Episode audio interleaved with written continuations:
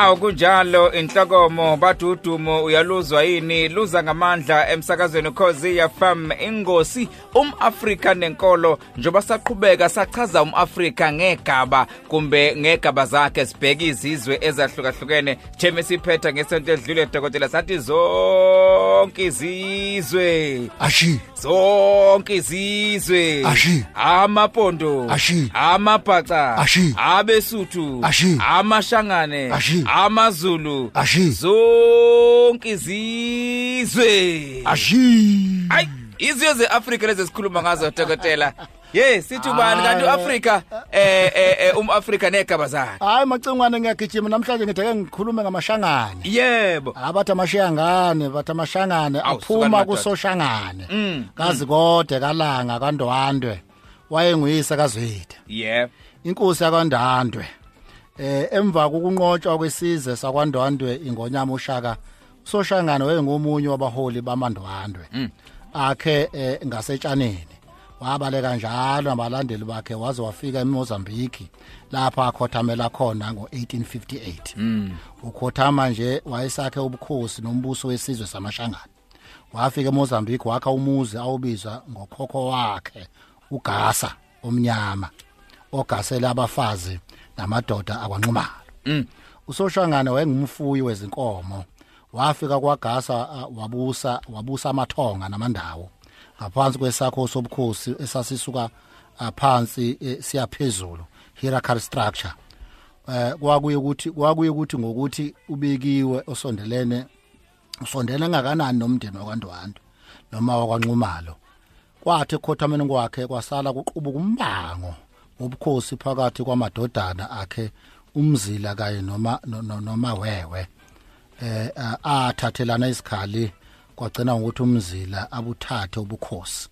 Umzila walandelwa indodana yakhe ungungunyane esihlaleni sobukhosi. Ngemva kokufa kuka Soshangane izinga nesiqu sobukhosi bakwagasa kwehla kakhulu. Eh kwase kuthi ukuvukela kwezindawo ezaziphethwe ngabelungu eh abangabahwebi commercial white estates wawuqeda nya umbuso wakwaGasa ngo1890 kwaphetha ukuthi amaPutukezi agcine phethe lapho abuqeda ubukhosi.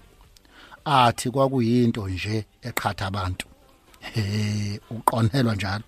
Eh, abe seqeda amasiko abantu abafaka ulimi lwayo abathi bagcina sebethathe nezibongo zawo ilapho kwaqhamuka khona abaholi bezombusazwe abanjengoSamora Machel uEdward Mondlane nabanye abasungula iFrelimo baz- bazabalazela ukukhululwa komuntu omnyama ecundezelweni ngamaPutukezi ngoba nolimi namanje olukhonywa lapho kakhulu isona isiPutukezi ehe.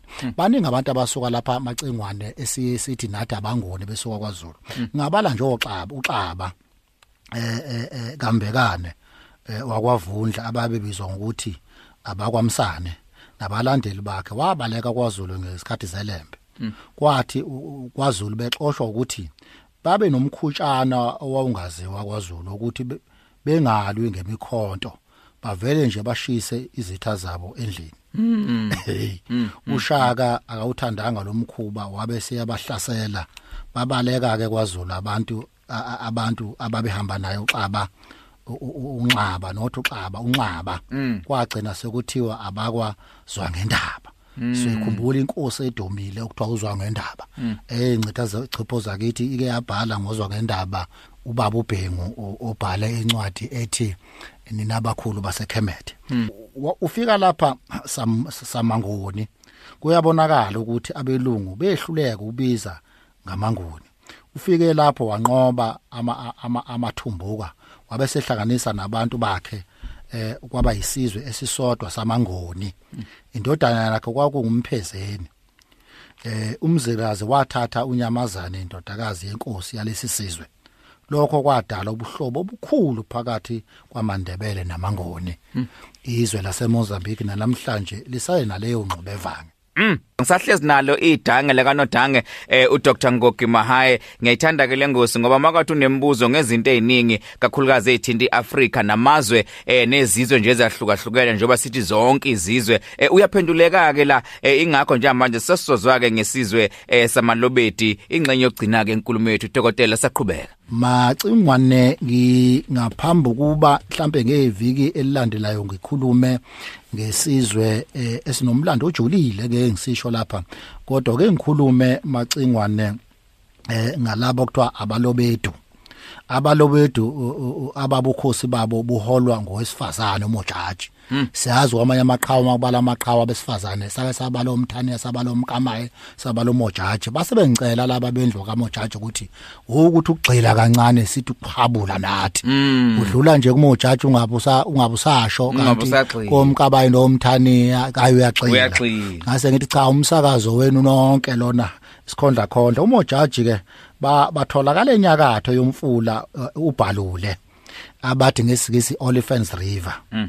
enyakatho mpumalanga eNtilasifale bathi bona ababona abapedu kodwa abapedi kodwa banga banga bangabahatla abaholi babo bendabuko baqhamuka eZimbabwe baqhamuka eZimbabwe ngesikhathi ongumbuso wabo onamandla kakhulu ebaleka elisingise eningizimu nabalandeli bakhe bafika nemfihlo laba bantu macengwane bafika nemfihlo yokwakha imvula. A secret of rain making lokhu kwadonsa abalandeli abaningi beqhamuka kwamanye amakhosi. Elinye isu labo lokudonsa abalandeli ngaphandle kokunisa imvula kwakuyisu elifanayo nalabapedi lokunikezwa kwamakhosi angaphansi kombuso wabo abafazi abangamadodakazi asedlunkulu yombuso wabalobedu. Njengabapedi mm, mm, mm.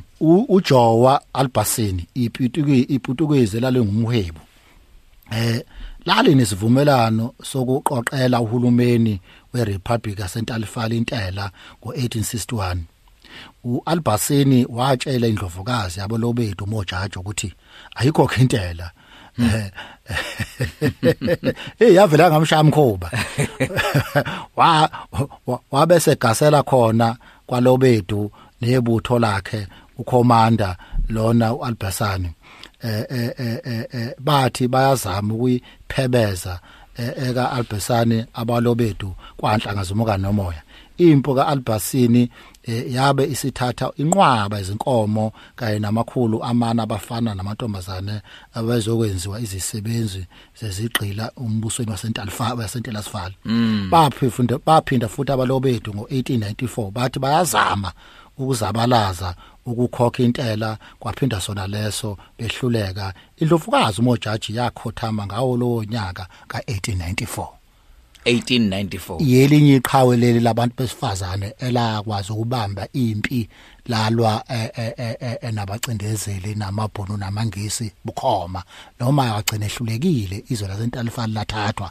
Kuzwena namhlanje intilasifala okwazi ukuyisho ukuthi ingaphansi kwayiphi inkolo ingaphansi kwayiphi inkosi noma ngaphansi kwayiphi ngonyama kodwa kwakuyizwe laliphethwe zengonyama lesi abantu nje amabegoli bebethi hayi izwe lingena elingenambuso. Alikho izwe lingenambuso lethi kuhlezi kulona nje macengwane uyomangala uthi ali namakhosi alo. Yeb itheku le. Itheku leli ingxenye enkulu nje yayingaphasi kwenkosi yakangcobo. Yeb iqadi. Ayiqadi uhamba uzofala odabe kanje amakhesi akangcobo bonke la. Ayikho indawo engekho ngaphansi kwamakhosi oselo. Hayi macingwane kufanele ngigeqa amagula ngathi ngemuka.